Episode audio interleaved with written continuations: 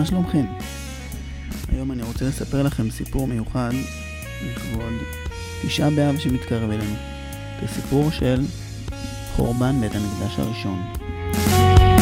לפני הרבה מאוד שנים, אלפי שנים, אולי משהו כמו 2500 שנה.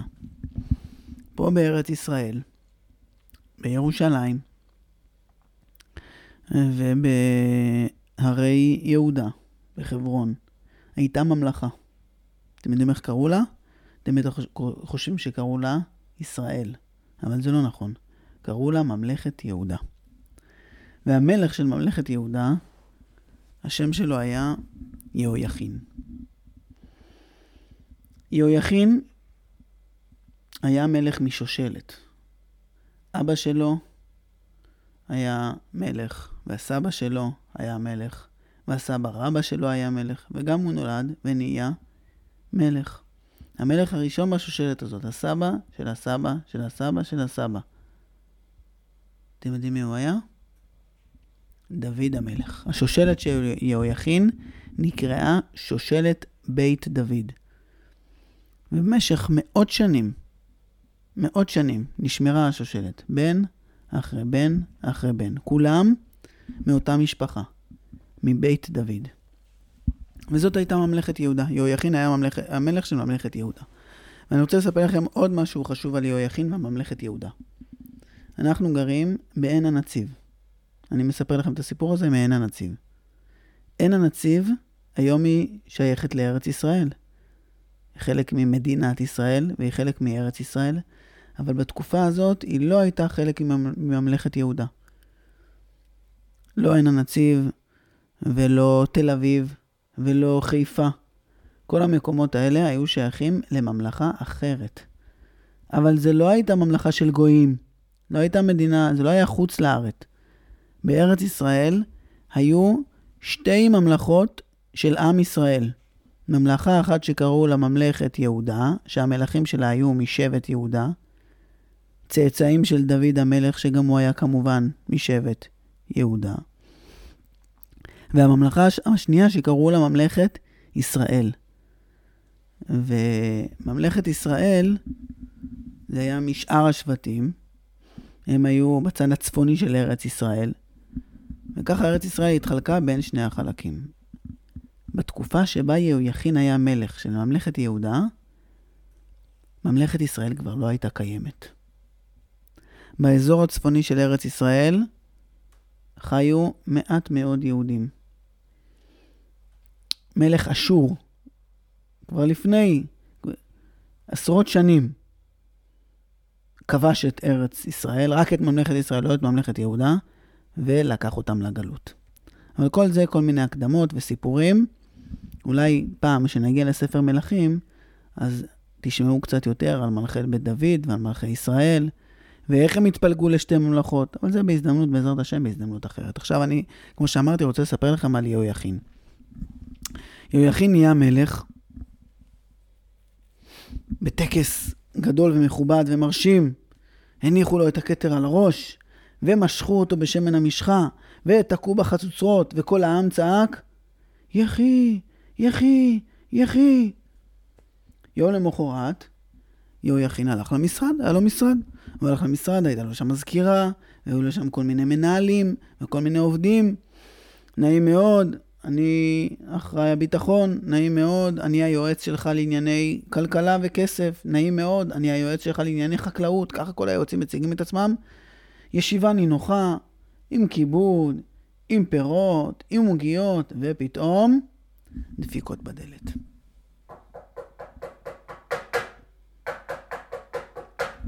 איך שהתחילה הדפיקה הראשונה, יהויכין שם לב שהדפיקות האלה הן קצת מפחידות וחשודות. נכנס שליח מבוהל, קצין בצבא, בצבא של ממלכת יהודה, ואומר שהשומרים על החומות של העיר ירושלים רואים, המלך, אני לא יכול להגיד מה זה, אתה חייב לבוא איתי מהר לראות את זה. יהויכין הלך עם הקצין הזה, מיד לקח אותו בכרכרה, הביא אותו עד לחומות, העלה אותו שם לאחד המגדלים, יהויכין הרים את העיניים ושם את הידיים על העיניים. וואו. גדודי ענק נראים טוב, חיילים מאומנים. מה זה, מי החיילים האלה? זה הבבלים, הקצין אמר לו. זה הבבלים.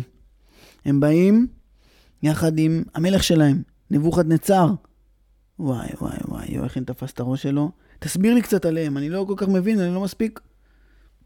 זה הממלכה הכי חזקה בעולם. אין לנו סיכוי לעמוד מולם. יואכין לא הספיק בכלל כמעט להיות מלך. לא הספיק להתארגן. מהר מאוד העיר ירושלים מתארגנת למצור. שמים לוחמים חזקים כמה שיותר על החומות, מנסים לאסוף אוכל, אבל כמעט בלי זמן. מלך צעיר, שעוד אין לו ניסיון, הוא לא יודע כמעט שום דבר, מתחיל להתמודד עם מצור. בתוך שלושה חודשים, הבבלים שצרים על העיר מצליחים להכניע אותה די בקלות. הם נכנסים לתוך העיר. מלך הבבלי תופס את יהויכין, אומר לו, אתה שבוי שלי, אתה עכשיו בא איתי לבבל. אבל רגע לפני שאתה בא איתי לבבל, אני רוצה שתביא את כל השרים שלך לפה. את כל אומני הברזל לכאן. את כל החרשים. את כל האנשים העשירים. והצבא הבבלי עושה פשיטה בעיר, הולכים ומחפשים את כל השרים, את כל המנהלים החשובים, את כל האנשים העשירים שיש להם הרבה מאוד כסף, את כל החרשים, את כל האנשים החזקים, עושים שיירה של עשרת אלפים איש, ומוציאים אותם לבבל. שיירה גדולה, אבל רוב היהודים נשארים בתוך העיר ירושלים, וירושלים ממשיכה להתקיים. אתם יודעים למה הוא לקח את כל האנשים העשירים ואת כל האנשים החשובים? אני מתאר לעצמי שאתם מבינים למה. ברגע שאתה לוקח מעיר את כל האנשים הכי חזקים בתוכה, אז היא הופכת להיות הרבה הרבה יותר חלשה. וזאת גם הסיבה שהוא לקח את כל חרשי הברזל. מה עושים חרשי הברזל? למה, למה צריך להכין כלים מברזל? בשביל להכין צבא. כלי נשק, מי מכין כלי נשק? חרשי ברזל.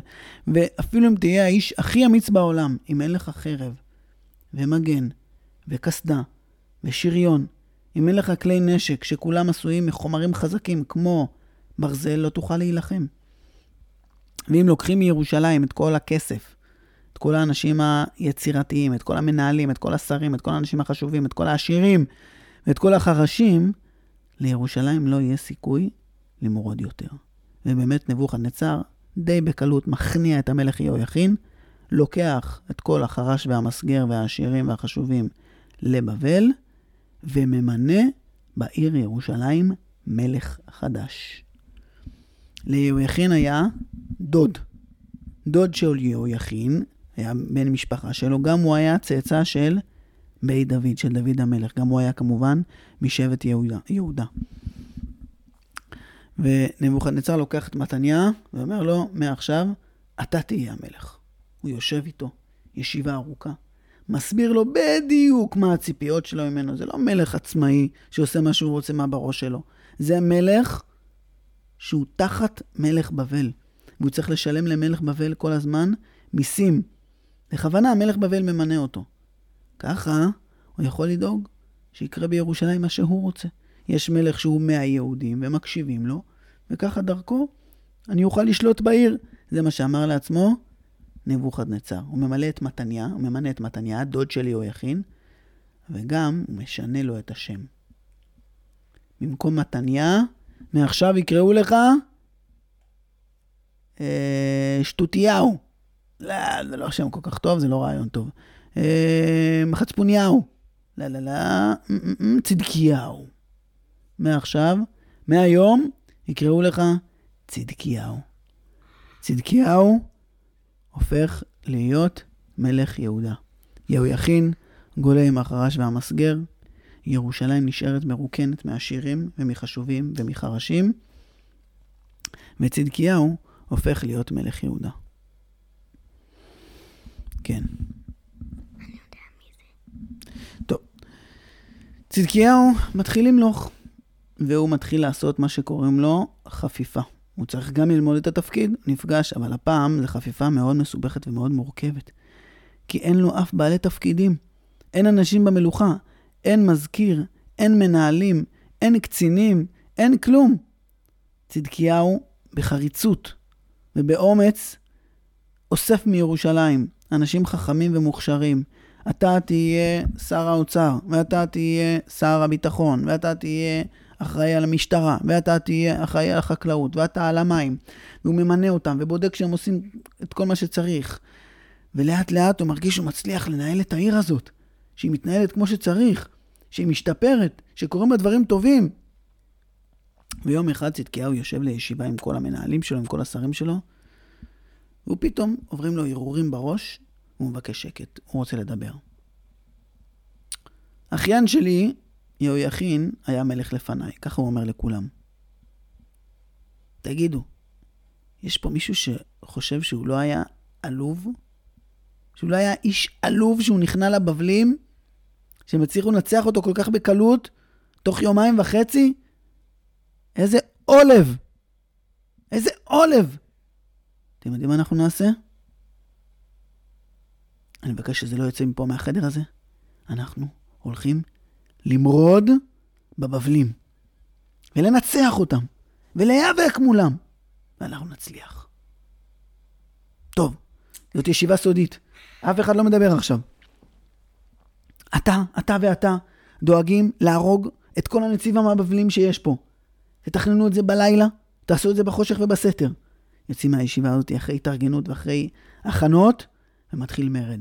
תוך יומיים מעיפים את כל הנציגים הבבלים מתוך ירושלים, והעיר הופכת להיות עצמאית. במרחק של אלפי קילומטרים משם, בבבל, נבוכדנוצר שומע שהיהודים מרדו בו והוא כועס. הוא מארגן מהר מאוד צבא והצבא הזה יוצא לכיוון יהודה, לכיוון צדקיהו. בינתיים, בתוך העיר היו אנשים שרצו לעשות עוד שינויים. אני אספר לכם סיפור שקרה בעיר ירושלים באותם ימים. היה איש אחד שקראו לו שמלקה. והאיש הזה, היה לו שדה של חיטה. כל שנה הוא זרע את החיטה, חיכה שהיא תצמח, קצר אותה. את הרוב הוא מכר, חלק הוא שמר לעצמו לבית, וחלק הוא שמר בשביל לזרוע. אבל שנה אחת, מה לעשות, הייתה שנת בצורת, ולא צמחה חיטה. בשנה הזאת הוא בקושי הצליח להסתדר. אבל אז הגיעה שנה אחריה, והוא היה צריך לזרוע שוב חיטה, בשביל להרוויח כסף. ולא היה לו מאיפה. אז הוא הלך לבנק שלו, וביקש לקבל כסף, אבל אמרו לו, לא נשאר לך שום כסף בבנק. וואי, מה אני אעשה? וואי, מה אני אעשה? טוב, הוא הלך לקרוב משפחה שלו, שקראו לו שלמיהו. אמר לו, שלמיהו, תוכל להלוות לי קצת כסף? שאני אוכל לזרוע את השדה שלי? כן, בשמחה, למה לא? שלמיהו הלווה לשמלקה כסף, הוא זרע חיטה, והכל היה בסדר, אבל באותה שנה שוב הייתה בצורת, ושוב לא צמחה חיטה. נגמרה השנה, שלמיהו בא לשמלקי הביתה, ואומר לו, תביא לי את הכסף, אתה חייב לי כסף. תביא לי את כל הכסף שאתה חייב לי. אין, לי מאיפה לש... לא, לא, לא, לא היה גשם ולא צמחה חיטה ואין לי מאיפה לש... זה לא מעניין אותי, אתה צריך להחזיר את הכסף. בוא איתי לבית משפט. אין לו, כסף, מה עושים? ואם אין לו, ונמכר. שמלקה הופך להיות העבד של שלמיהו. הוא מצחצח לו את הנעליים, הוא שוטף לו את הרצפה, הוא מבשל לו, הוא מסיק לו את התנור. אבל אתם יודעים שגם אם עושים כזה דבר, שזה נורא ואיום, והיום ברוך השם אין דברים כאלה, ברגע שעברו כמה שנים, העבד צריך להשתחרר. שלמיהו לא מוכן. אומר לו, מה זה? יש ריבית. אתה חייב לשלם לי את כל החיים שלך. זה אסור. אסור להשתעבד ככה בעבד. עוברות כמה שנים, וביהודה היה איש אחד, צדיק, שקראו לו ירמיהו. ירמיהו היה נביא. הוא מסתובב בעיר ואומר לכולם, זה לא היה העבד היחיד שהשתעבדו בו ככה בצורה גסה וחסרת רחמים. היו עוד עבדים כאלה.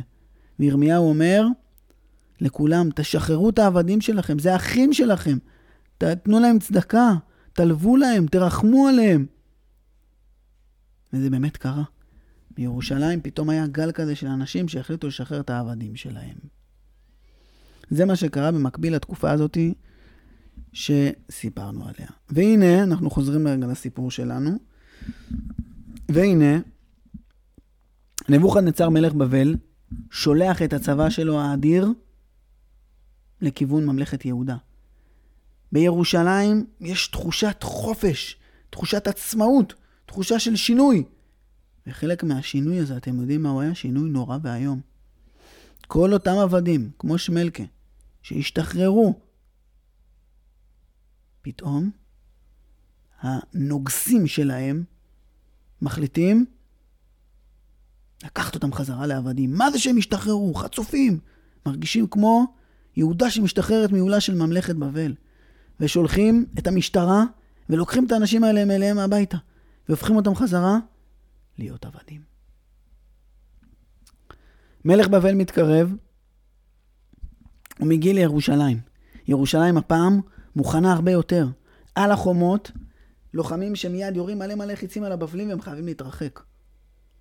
הבבלים מנסים להשיב אש, ומתחילים להביא את כלי פריצת המצור שלהם, אבל אחרי כמה ימים, לצדקיהו יש תוכניות. לצדקיהו היה בן ברית. קראו לו פרעה.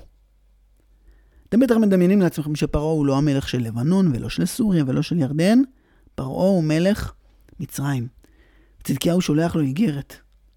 עם רץ שמצליח לצאת מהעיר, לעקוף את המצור הבבלי, ולהגיע לפרעה לבקש ממנו. בוא תתקיף קצת את הבבלים, תפריע להם, תציק, אותה, תציק להם מאחורה, כדי שיורידו מעלי את המצור. הפרעה מחליט לעשות דבר יותר מתוחכם. פרעה לא הולך להתקיף את נבוכדנצר. פרעה הולך דבר, דרך ירדן, מגיע לאיזושהי עיר בבלית ותוקף אותה.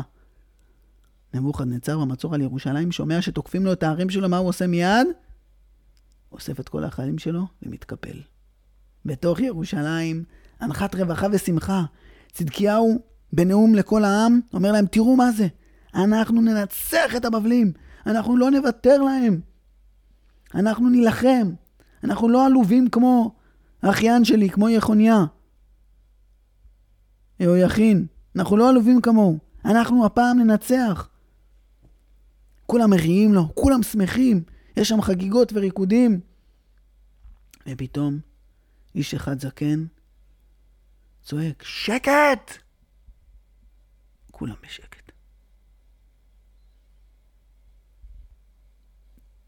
לא מגיע לכם. תדעו לכם, עם עיניים מעורפלות ודיבור מיוחד כזה, תדעו לכם שזה ניצחון זמני. אל תחשבו שזה ניצחון אמיתי. עוד מעט, עוד לא הרבה זמן, מלך בבל יחזור לכאן, והפעם עם צבא גדול יותר. והוא יעשה מצור על העיר הזאתי, והוא גם ינצח. ואתם יודעים מה זה? זה לא בגלל שאתם אמיצים או לא אמיצים, ולא בגלל שיש לכם כלי נשק או אין לכם כלי נשק, וזה לא בגלל ברית עם פרעה מוצלחת או לא מוצלחת. זה בגלל שלא מגיע לכם לחיות בעיר הזאת. נבוכדנצר ינצח אתכם. והוא לא סתם ינצח אתכם, הוא יחריב את בית המקדש. מה? כולם מתחילים לצעוק על האיש הזה, לזרוק עליו דברים. לאיש הזה קראו ירמיהו. ירמיהו בן חלקיהו, הוא היה כהן, ואנשים מתחילים לזרוק עליו דברים, ולתת לו סטירות. ופתאום מגיע אליו שוטר, תופס לו את היד חזק, שם לו אזיקים, ומושך אותו אל המלך. הוא מגיע אל המלך, ואחד השרים של המלך, קראו לו גמריהו בן שפן, אומר לו, האיש הזה הוא מורד! הוא כופר בהשם! הוא אומר שבית המקדש ייחרב! איך הוא מעז להגיד כזה דבר? צריך לקחת אותו לכלא. לא לתת לו אוכל. לתת לו את המינימום של האוכל שאפשר, ואת המינימום של המים שאפשר. חצוף כזה. ירמיהו אומר, אני מקבל עליי את הדין. אין בעיה. אתם יכולים לשים אותי באיזה בית כלא שאתם רוצים. אני אחכה בבית הכלא הזה עד שאני אזכה בעיניים שלי לראות את העיר הזאת נופלת. וזה מה שקורה. ירמיהו בבית הכלא, עם מעט מאוד לחם שנותנים לו כל יום, ומעט מאוד מים שנותנים לו כל יום. אבל הוא קורא עיתונים, והוא רואה חדשות. והוא שומע יום אחד פתאום שהבבלים באמת חזרו, כמו שהוא ידע שזה מה שיקרה. המצור מתחיל, צדקיהו נחוש לנצח. צדקיהו מעמיד את הלוחמים הכי מאומנים שלו, שיירו חיצים כל הזמן על החיילים של מלך בבל, שצרים על העיר. לאט לאט המצור מתהדק, והבבלים בונים כל מיני אמצעי ביצורים, ונלחמים ויוצאים לקרבות ומנצחים, ועוד ועוד חיילים של צדקיהו נופלים. ולאט לאט האוכל בעיר הולך ונגמר, והמים בעיר הולכים ונגמרים. ילדים מבקשים תוספת בארוחת בוקר, אם אני רוצה עוד קצת. אין. רעב. מחסור. צדקיהו יוצא בנאום לאומה, הוא רוצה לחזק את כולם ואומר להם, אנחנו חזקים, אנחנו נישאר עד הסוף. מחזק את כל האנשים שלו. אבל מאותו ערב של הנאום הזה שהוא מחזק את כולם, הוא מתחיל להרגיש שהכל מתחיל להתפורר. הוא שולח שליח סודי באמצע הלילה שיביא לו את ירמיהו. ירמיהו מגיע מבית הכלא, צדקיהו שואל אותו, תגיד, מה אני יכול לעשות? תעזור לי אולי. אולי איכשהו תתפלל לקדוש ברוך הוא שיעזור לנו לנצח. יש סיכוי. ירמיהו אומר לו, זה לא יעבוד ככה. אתה תיכנע. אם אתה רוצה להציל את החיים שלך, תיכנע. העיר הזאת לא תחזיק מעמד. לא מגיע לה להחזיק מעמד. אין לה זכויות. בית המקדש לא יחזיק מעמד, כי אין לו זכויות. אין לו זכות קיום. הקדוש ברוך הוא כבר ויתר עליו והחריב אותו. הוא עדיין עומד, אבל עוד מעט הבבלים יחריבו אותו. צדקיהו שולח חזרה את ירמיהו לבית הכלא, ובבטן שלו הוא מרגיש איזושהי משקולת שמכבידה עליו ומורידה לו את הגוף, והוא מבין שזה הולך להיגמר. באמת, תוך כמה ימים, הבבלים מתקדמים עוד ועוד, וכבר מתחילים לפעור חורים בחומה של ירושלים. צדקיהו כל יום הולך ליד החומות ומחזק את הלוחמים ואומר להם, אני איתכם עד הרגע האחרון, אני לא עוזב ולא בורח. אבל אז עוברים כמה ימים, וחומת ירושלים נפרצת. הבבלים פולשים לתוך העיר, מתחילים לפשוט. מגיעים לארמון המלך, ו... המלך לא פה. איפה המלך? ברגע לפני בקיעת המצור, המלך הכין לעצמו נתיב מיוחד לבריחה. הפקיר את החיילים שלו, שהוא אמר להם להישאר עד הסוף. עזב אותם וברח מהעיר. הבבלים שולחים אחריו יחידה מיוחדת של סיירים מהירים מאוד, שמאוד מהר תופסים אותו ומביאים אותו לירושלים. בצבא הבבלי היה קצין שקראו לו נבוזרדן. נבוזרדן היה ידוע בתור קצין אכזרי ביותר, שידע להעניש את כל המתקוממים והמורדים בממלכה הבבלית. וזה גם מה שהוא עושה בתוך העיר ירושלים. הוא הורג ולא חומל על הרבה מאוד אנשים.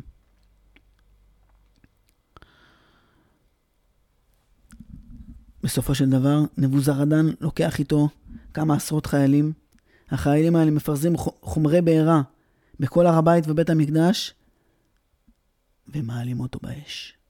ובתשעה באב, בית המקדש, שעמד מאות שנים, שבנה שלמה המלך, נשרף ונחרב והפך לגלים של אפר.